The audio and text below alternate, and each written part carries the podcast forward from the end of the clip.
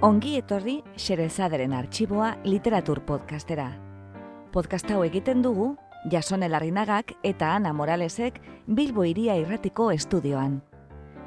Guk bezala, zuk ere uste baduzu munduan gauza gutxi direla, hain atseginak nola ipuin bat patxada zentzutea, gera zaitez gurekin. Eta prestatu munduko kontakizunik bikainenak euskaraz entzuteko.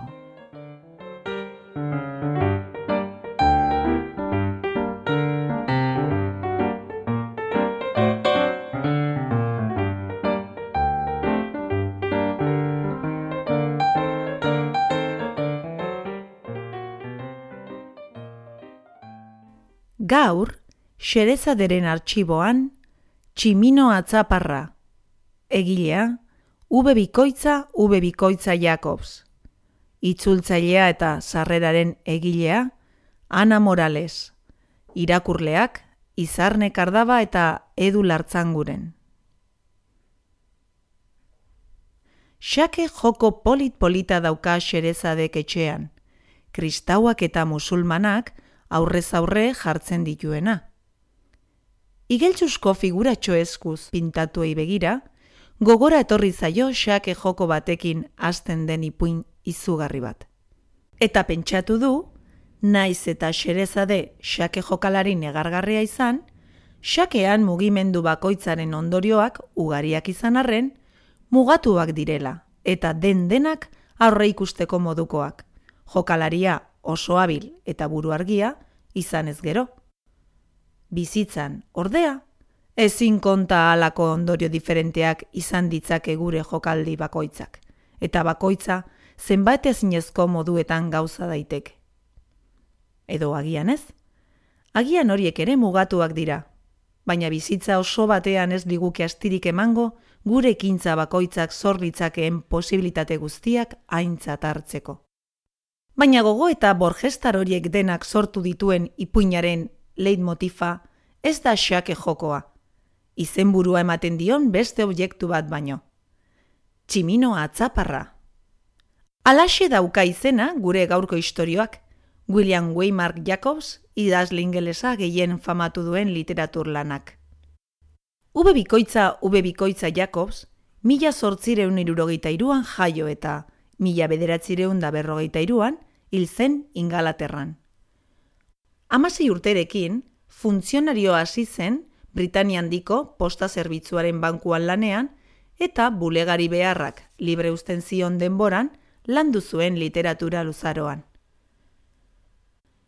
Ipuinak eta nobelak idatzi eta argitaratu zituen, eta hogei urteren ostean, bankuko lana utzi zuen literaturari utxutxean emateko. Jakobsen lan gehienak umoretsuak dira, eta horietako asko, adibidez, Deskipers Bugin, Marinel Girokoak. Oso ondo ezagutu zuen txikitan portuko giroa, aita portuko arduraduna baitzuen. Batzuk antzerkirako egokitu zituen idazleak berak, eta pare bat, zinerako moldatu zituzten bera hileta gero. Horietako bat, Laure Lanjardi bikote famatuak. Baina Jakobsen lanen artean famatuena eta moldaketa gehien izan dituena, gaurko ipuina da, The Monkey's Paw edo Tximino Atzaparra.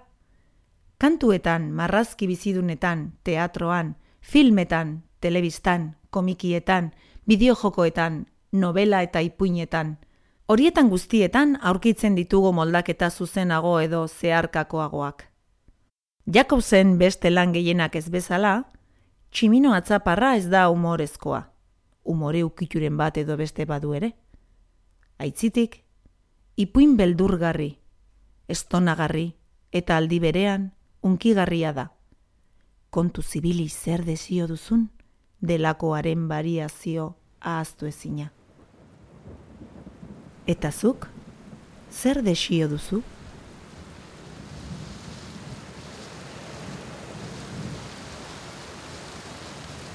Tximino atzaparra, ube bikoitza, ube bikoitza Jakobs.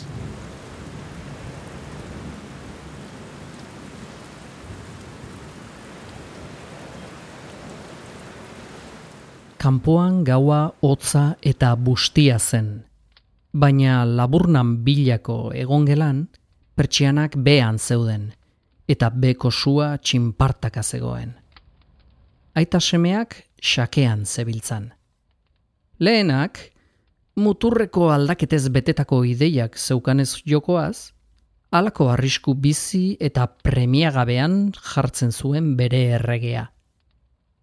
Nun sutondoan lasai-lasai puntua egiten zegoen hile zuriko dama zaharraren iruzkinak ere sortzen zituen. Adi aizeari, esan zuen White jaunak. Akats fatal batez beranduegio hartuta semeari ura ikustea galarazteko asmo xamurraz. Entzuten nago, esan zuen semeak. Tableroa ilun aztertuz eskua luzatzen zuen bitartean. Xakea. Ez dut uste gaur etorriko denik, esan zuen aitak, eskua tableroaren gainetik jarrita. Matea, erantzun zuen semeak. Hori dauka okerrena horren urrun bizitzeak, lertu zen White jauna, bat bateko eta arrazoi gabeko oldarkeriaz bizitzeko leku basati umel baztertu guztien artetik hause da txarrena. Bidea basatza da, eta errepidea uolde gutxa. Ez dakit jendeak zer daukan buruan. Errepideko bi etxetan baino ez denez jendea bizi. Uste dute ez du lardura. Ez kezkatu maitea, esan zuen emasteak, goxatu guran. Behar bada, urrengoan irabaziko duzu. White jaunak begiak jaso zituen zorrotz. Amaren eta semearen arteko begirada konplizea harrapatzeko puntuan. Itzak hil zitzaizkion Espainetan, eta irribarre erruduna eskutatu zuen bizar urdindu meean. Hortxe dago, esan zuen Herbert Whiteek. Burdin ateak danbateko ozena jo eta urrats sendoak etxera hurbiltzen zirela sargentu maiorrak bostekoa eman zien, eta sutondoan eskainitako aulkia hartuta, pozik geratu zen begira nola bere anfitrioiak, uiskia eta edalontziak ateratzen zituen, eta kobresko ontzi txiki bat jartzen zuen suan. Hirugarren basokadarekin begiak diztiratsuago jarri zitzaizkion, eta berbetan hasi zen. Zenitarte txikia urrungo lekuetatik etorritako bisitariari interesez begira zegoela. Ark sorbalda zabalak tentetu eta eszena harrigarriez eta ekintza ausartez berba egiten ziela.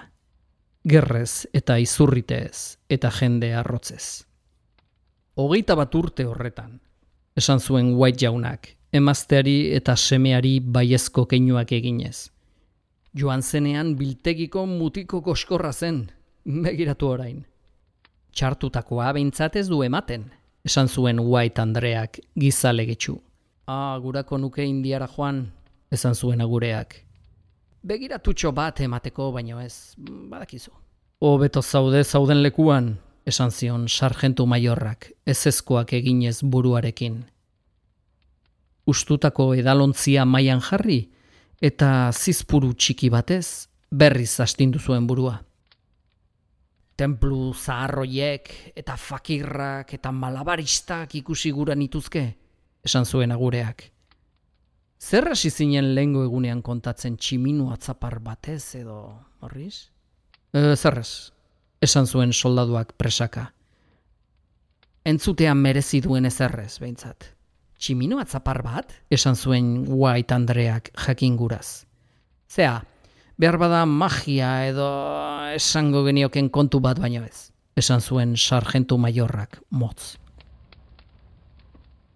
Hiru entzuleak aurrerantz makurtu ziren irrikaz. Bisitariak edalontzi ustua Espainetara eraman zuen pentsamenduetan galduta. Eta jeitsi egin zuen berriro.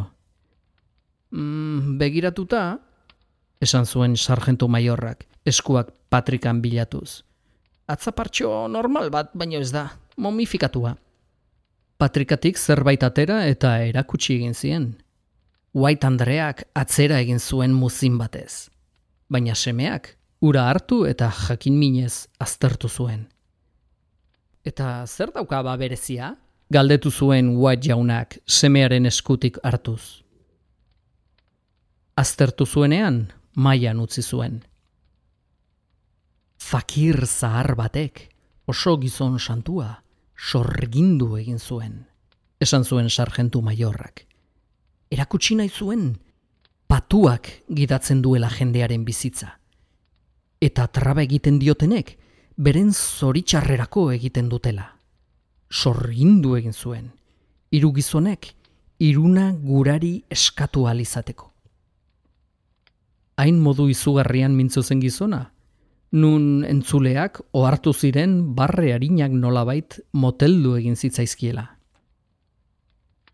Ba, zergatik ez diozuzuk hiru eskatzen, jauna? Esan zuen Herbert Whiteek zirika. Soldaduak begiratu zion pertsona helduak gazte arroskoari begiratzen dion bezala. Mm, eskatu dizkiot, esan zuen apal, eta urpegi gorria zurbildu egin zitzaion. Eta bete egin zitzaizkizun gurariak benetan? Bai, esan zuen sargentu maiorrak eta edalontziak talka egin zuen haren hortz sendoen kontra. Eta beste inork eskatu du guraririk? Lehen gizonari bete egin zitzaizkion hiru gurariak, bai, erantzun zuen. Ez dakit zeintzuk ziren lehenengo biak, baina hirugarrena eriotza izan zen. Horrela eskuratu nuen atzaparra. Hain hau txilunaz mintzatu zen, isiltasuna zabaldu zen taldean. Ba, irugurariak bete egin bazitzaizkizun, zuri orain ez dizu zertarako balio, morriz. Esan zuen agureak azkenean. Zertarako gordetzen duzu? Soldaduak ezezkoa egin zuen buruaz. Mm, gustatzen zaidalako, diot nik pa, esan zuen astiro. Burutik pasatu zitzaidan saltzea baina ez dut uste egingo dudanik. Naikua kaltea egin du dagoeneko. Gainera ez du inork erosiko. Uste dute ipuin utxa dela. Hori batzuek. Eta zeo zer izan daitekela uste dutenek probatu egin nahi dute, ordaindu aurretik. Beste irugurari eskatzerik bazenu, esan zuen agureak, tinko begiratuz. Eskatuko zenituzke? Ez dakit, esan zuen besteak atzaparra hartu zuen, eta atzamar erakuslearen eta erpuruaren artean eduki zuen zintzilik. Eta bat batean, sutara bota zuen. White, oiu txiki batez, makurtu eta harrapatu egin zuen. Obe erretzen ustea, esan zuen soldaduak solemne. Ez baduzu nahi, Morris? Esan zuen besteak. Eman niri? Ez, esan zuen lagunak burugogor. Sutara bota dut gorde gura baduzu, ez bota niri gertatzen denaren errurik. Izan zentzuzkoa, eta bota berriro sutara. Besteak buruaz ezezkoa egin eta bere jabetza berria aztertu zuen gertutik. Zelan egiten da? Galdetu zuen. Eduki altu eskuan, eta esan guraria ozen, esan zuen sargentu maiorrak. Baina kontu ondorioekin, abixatuta zaude mila gau eta bat gehiago ematen du. Esan zuen White Andreak, aulkitik altxatu eta afaria prestatzen astearekin batera. Nik lau esku izatea eskazen ezake? Ez zaizu iruditzen? Senarrak talismana patrikatik atera eta irurek batera barreari eman zioten. Sargentu maiorrak, alarma urpegian, besotik heltzen ziola. Ez erreskatu behar baduzu, esan zion muturtuta eskatu zentzuzko gauza bat. White jaunak patrikan gorde zuen berriro, eta aulkiak mailaren inguruan jarrita, laguna eraman zuen bertara. Afari kontuarekin talismana erdia aztuta geratu zen. Eta gero irurak egon ziren soldaduaren indiako abenturen bigarren entrega liluraz entzuten.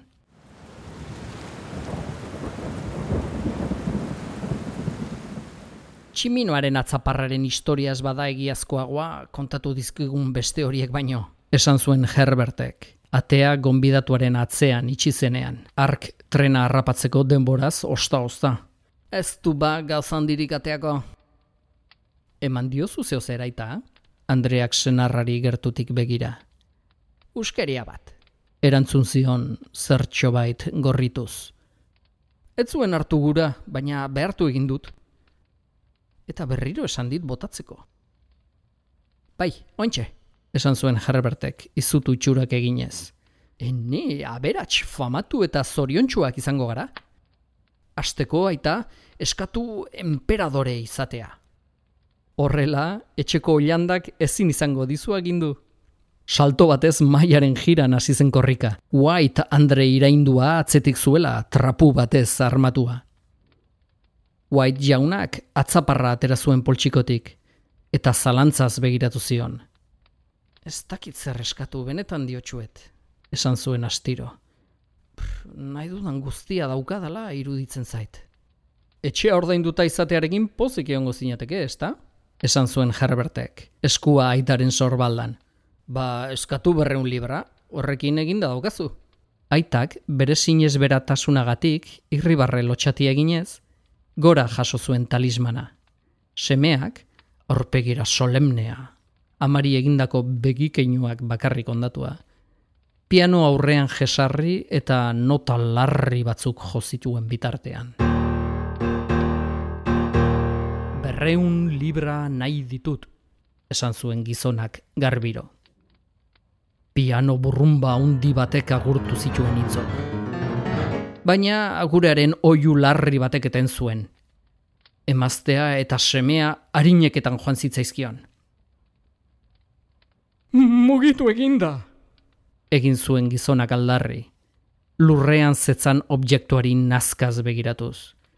Guraria esan dudanean bihurtu egin zaite eskuetan, su, su, suge baten moduan. Ba, nik ez dut dirurik ikusten, esan zuen semeak, atzaparra lurretik jaso eta mailan jartzen zuen bitartean eta postura ez dudala sekula ikusiko. Iruditu egingo zitzaizun aita, esan zuen emazteak, gizonari antxiaz begiratuz. Gizonak ezezkoa egin zuen buruaz. Berdin da, ez da kalterik gertatu, baina susto galant hartu dut. Sutondoan jesarri ziren berriro. Gizon biek pipa erretzen amaitu artean. Kanpoan, haizeak inoizko gugorren jotzen zuen. Eta gureak jauze egin zuen, urduri, goiko solairuan ate batek danbatekoa jotzean. Isiltasun bihotz beheragarri eta ezoiko bat jauzi zen iruren gainean. Bikote zaharra, oerako jaiki arte iraun zuena. Orain dirua oearen erdian aurkituko duzu, poltsa handi batean. Esan zuen Herbertek, gabon esan eta gero. Eta gauza ikaragarriren bat egongo da makurtuta armairuaren gainean zuri begira amarruz lortutako irabaziok poitxikoratzen dituzun bitartean? Bakarrik geratu zan jesarrita ilunpean. Su erdia matatuari so, aurpegiak ikusten sugarretan. Azken aurpegia hain horriblea eta tximinotarra izan zen, zur eta lur geratu zitzaion begira. Hain benetako egin zen, nun barreska deseroso batez, aztamuka hasi baitzen eskuaz bilatzen baso batur mailaren gainean, sutara botatzeko. Eskuak tximino atzaparra hartu zuen, eta Herbertek, dardara batez, eskua jakan igurtzi, eta oera joan zen.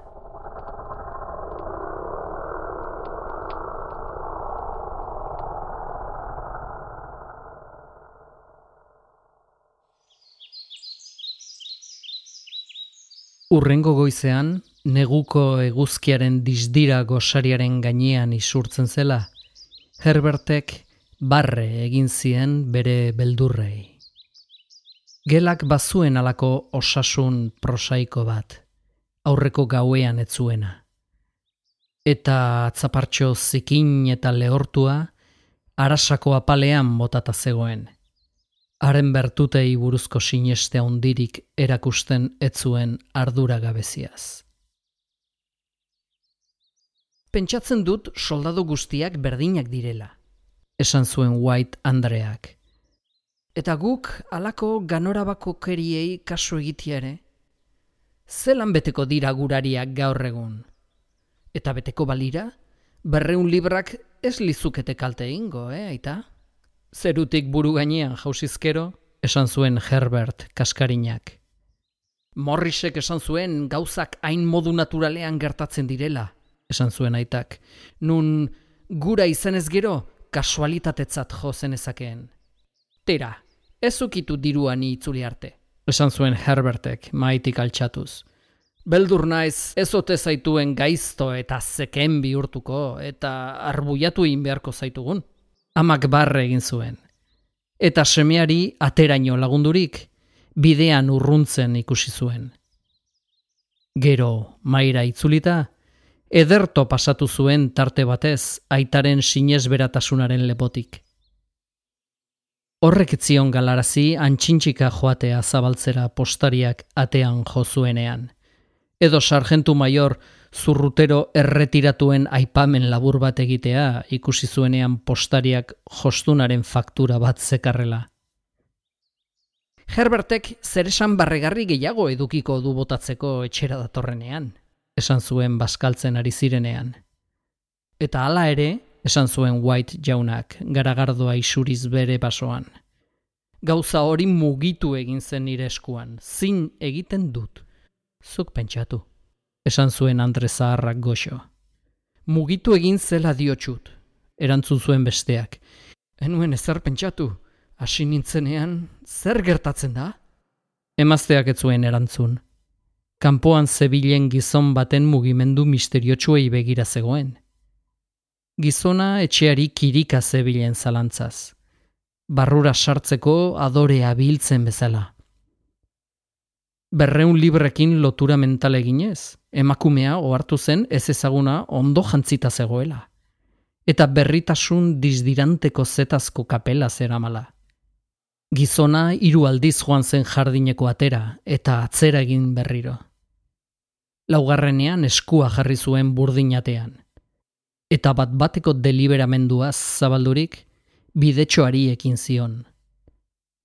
Une horretan, Uai Andreak eskuak gerriatzera eraman, eta amantaleko kordelak azkarraskaturik, jantzki erabilgarri hori jarri zuen aulkiaren kusinaren azpian. Ez ezaguna, zeina deseroso ematen baitzuen, gelan sarrarazi zuen. Gizona Andreari kukuka eta kezkatu itxura zentzuten geratu zen.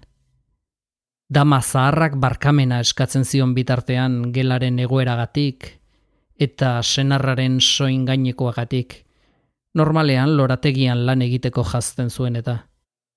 Orduan Andrea zain geratu zen, bere sexuak usten zion adineko pazientziaz.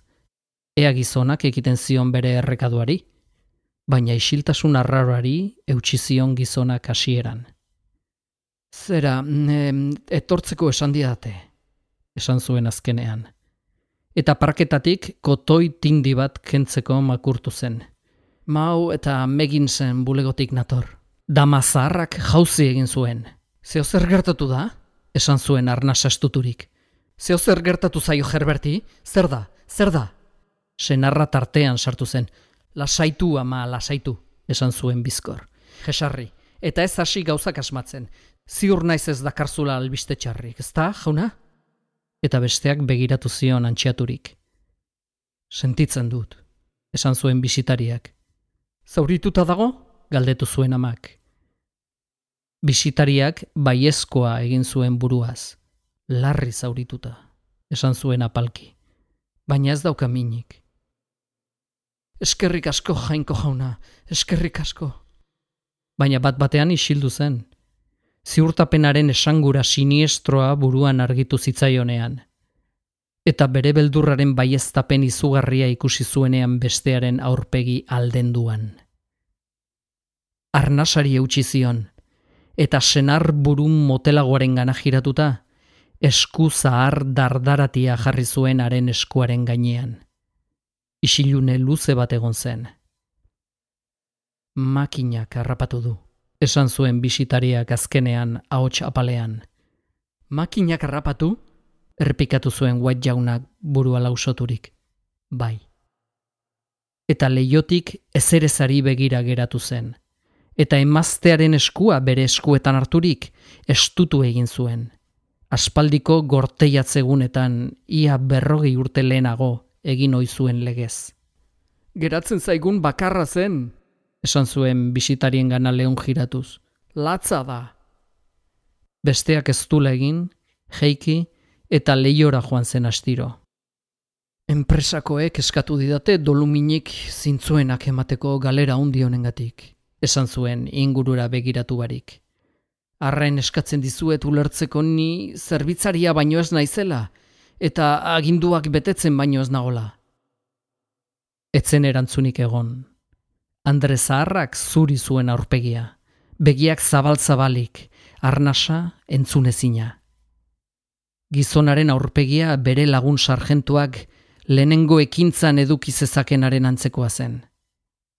Esan behar dizuet, Mou eta Meginsek ez duela inungo erantzunkizunik bere gain hartzen. Jarraitu zuen besteak. Ez dute inungo bete beharrik aitortzen, baina zuen semearen zerbitzuen kontsiderazioan zenbateko bat emangura dizuete kalte ordain gisa. Gizonak Andrearen eskua jausten utzi zuen, eta zutundurik horrorez begiratu zion bisitariari. Espain lehorrek hitzak moldatu zituzten. Zenbat? Berreun libra izan zen erantzuna. Emaztearen garrasia zoartu barik, gizon zaharrak irribarren imino bat egin zuen. Eta itxuen gisara besoak luzaturik, zerraldo jausi zen konorte bako moltxo bat.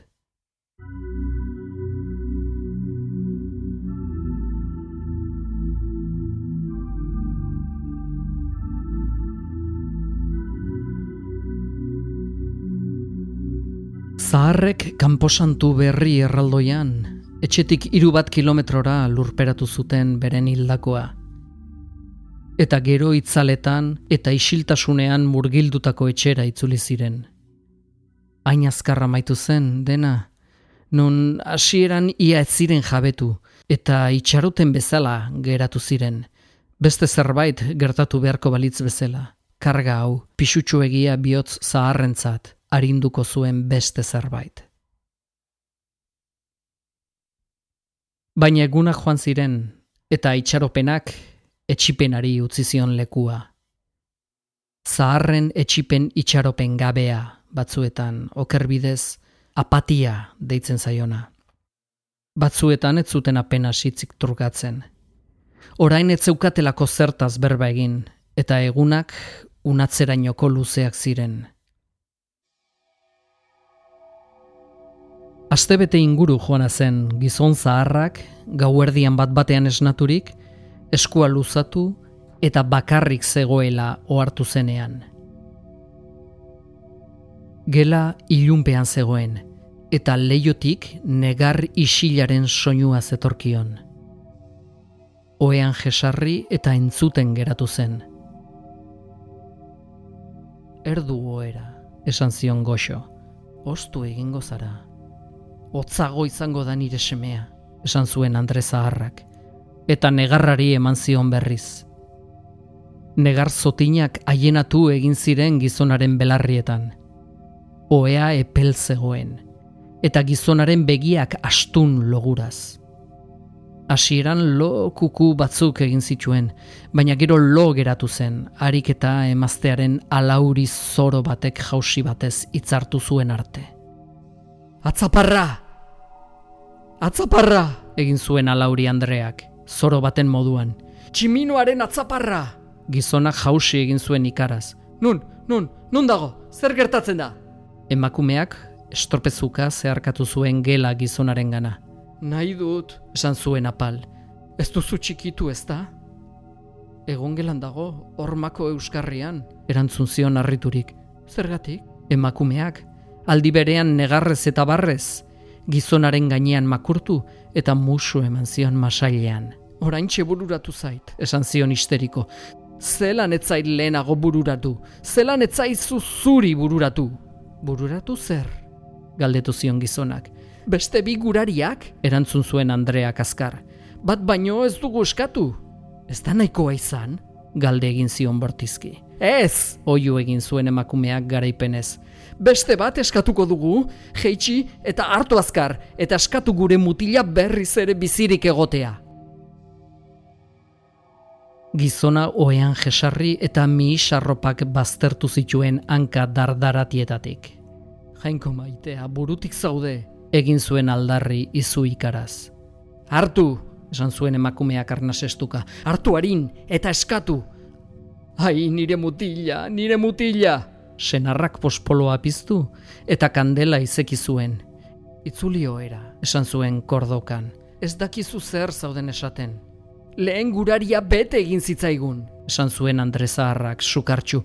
Zergatik ez bigarrena? Kasualitatea, esan zuen totelka gizonak. Joan hartu eta eskatu, oio egin zuen Andre Zaharrak, pozez dardaraka. Gizon Zaharrak buelte eman eta begiratu egin zion, eta arena ahotsak dardar egin zuen. Amarregun daramatza hilda, eta gainera nizun esangura, baina arropagatik baino ezin izan nuen ezagutu. Orduan ikaragarri egia bazen zuk ikusteko, zer izango da orain? Ekarri bueltan! Oio egin zuen Andre Zaharrak eta dandarrez eraman zuen gizona aterantz. Uste duzu beldurra izango dio dala titia eman nion umeari? Gizona behera jeitsi zen ilunpean. Egon gelarako bidea egin zuen aztamuka. Eta han sutondo gaineko apalerakoa. Talismana bere tokian zegoen. Eta gizonari beldur izugarria sartu zitzaion esan gabeko gurariak ezote zuen seme mutilatua ekarriko bere aurrera gelatik ies egiteko izan baino lehen. Eta arnasari eutxi zion konturatu zenean etzekiela atean uzegoen. Bekokia izardiotzaz estalita, maiaren jira egin zuen eskuaz lagundurik. Eta hormaren kontra aztamuka jarraitu zuen – harik eta bere burua karraju txikian aurkitu arte, gauza osasun gaitz ura eskuan. Gelan sartu zenean, emaztearen aurpegiak ere ematen zuen aldatuta. Zuri eta erne zegoen, eta bere beldurrean, gizonari iruditu zitzaion aurpegiera ez natural bat zeukala. Beldurra eman zion tontakeria eta gaiztakeria bat da, gizonak dudati. Eskatu! Errepikatu emazteak. Gizonak eskua jaso zuen. Semea berriz bizirik egotea gura dut. Talismana lurrera jausi zen, eta gizonak beldurrez behiratu zion. Orduan aulki batean ondoratu zen dardarka. Emakume zaharrak, bekiak sutan, lehiora joan eta pertsiana igotzen zuela. Gizona jesarrita geratu zen hotzez izoztuta geratu zen arte. Noiz edo behin so eginez leiotik kukuka zegoen Andre Zarraren figurari. Kandelak, Euskarriaren portzelanazko ertzetik behera urtuta, itzal keinukariak bidaltzen zituen sabaira eta hormetara, eta azkenik, dizdira luzeago batez, iraungi egin ziren. Gizon zaharrak adierazi ezinezko arindua harturik talismanak utxegin izanagatik, oera itzuli zen arrastaka. Eta handik minutu batera edo bira emakume zaharra, isilik eta apatiko, oera etorri zitzaion. Inorketzuen berbarik egin, baina biak geratu ziren etzan da erlojuaren tikitaka entzuten. Eskailera batek, kra, egin zuen eta sagu txilioiti bat antxintxika pasatu zen orma barrutik. Iluntasuna itogarria zen, eta denbora batez adorea biltzen egon ondoren, senarrak pospolo kutsa hartu, eta bat piztuta behera jeitsi zen kandela baten bila. Eskaileren amaierara heltzean pospoloa amatatu egin zen, eta gizona beste bat pizteko geratu zen. Orduantxe, kos-kos bat jozuen kalekoatean. Hain isila eta gordea, apenas sentzun baitzen. Pospoloak jausi egin zitzaizkion eskutik. Geldi geratu zen, arnasari eusten. Berriz ere jozuten arte. Orduan buelte eman eta ies egin zuen ziztuan logelara, eta atea itxi zuen. Hirugarrenez jozutenean etxe osoan entzun zen. Zer izan da hori? Hots egin zuen Andre Zaharrak, jauzi eginez. Arratoia, esan zuen gizon zaharrak, doinu dardaratiaz. Arratoia, nire aurretik pasatu da eskaileretan. Andrea oean jesarri zen, adi. Atean jozuten ozenki eta kolpearen oihartzunak etxea bete zuen. Herbert da, egin zuen aldarri. Herbert da!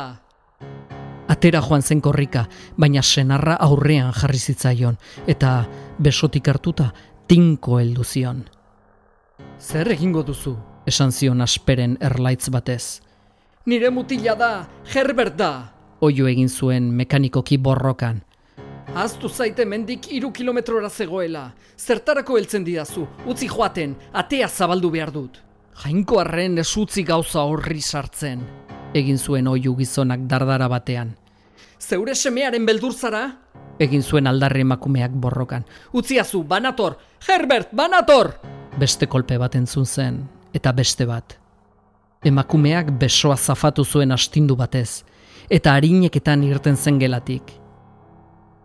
Gizonak karrajura jarraitu zion, eta erreguz deitu zion, Andrea eskaileretan behera ziztuan zijoala. Gizonak entzun zuen ateko katea askatzen, eta gero beheko burdina bere zulotik astiro eta zurrun ateratzen. Gero Andre Zarraren ahotsa, arnaska esfortzuaz. Krisketa! Egin zuen oiu ozen. Etorri ona, enaizeltzen! Baina gizona lauan katan zegoen lurrean zoroaren pare aztamuka, atzaparraren bila, aurkitu behar zuen kanpoko gauza hori sartu baino lehen. Atekolpen zaparra da perfektu baten oihartzuna entzun zen etxe osoan, eta gero aulki bat erreskan, emazteak atearen kontra zera mala.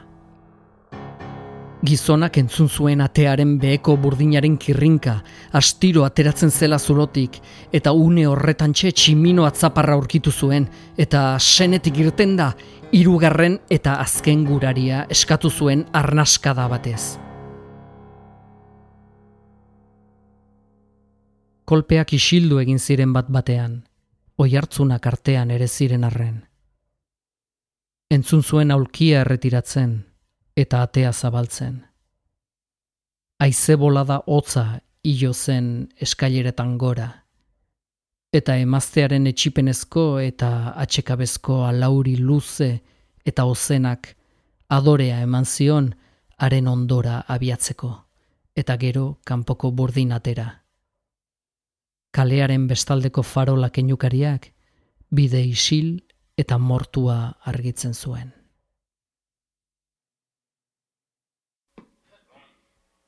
Oh!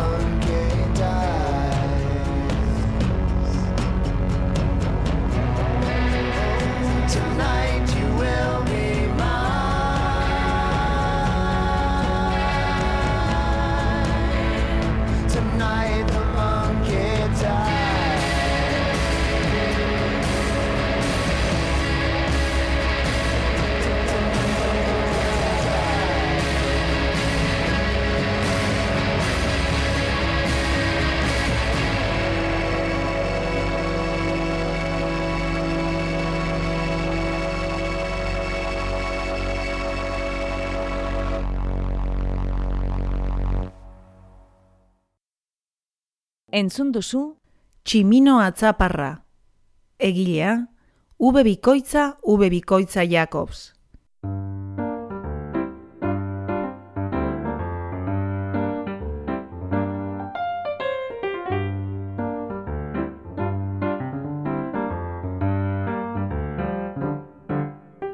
Xerezaderen artxiboko beste atal bat entzun duzu. Gure doinoa da, Charleston Behind the Attic Door, Dance of the Wind taldearena. Besterik adierazi ezean, gure musikak jamendo.cometik hartuak dira, eta soinu efektuak berriz freesound.cometik ateratakoak. Podcast hau egiten dugu, Jason Elarinagak eta Ana Moralesek Bilbo Iria Irratiko estudioan. Gure audioak online entzuteko edo eskuratzeko eta podcastaren arpidedun egiteko, bilagaitzazu iTunesen edo joan gure blogera irubebikoitz.blogak.com barra isa a lp. Irriketan gaude zure iritzia jakiteko eta zure gurariak betetzeko. Beraz, gure blogera soazenean, eza astu iruzkina ustea eta irakurgai proposamenak egitea. Eskerrik asko gurera hurbiltzeagatik. Gustora egon bazara, etorri urrengo batean berriz ere, Xerezaderen arxiboa literatur podcastera. Laster arte!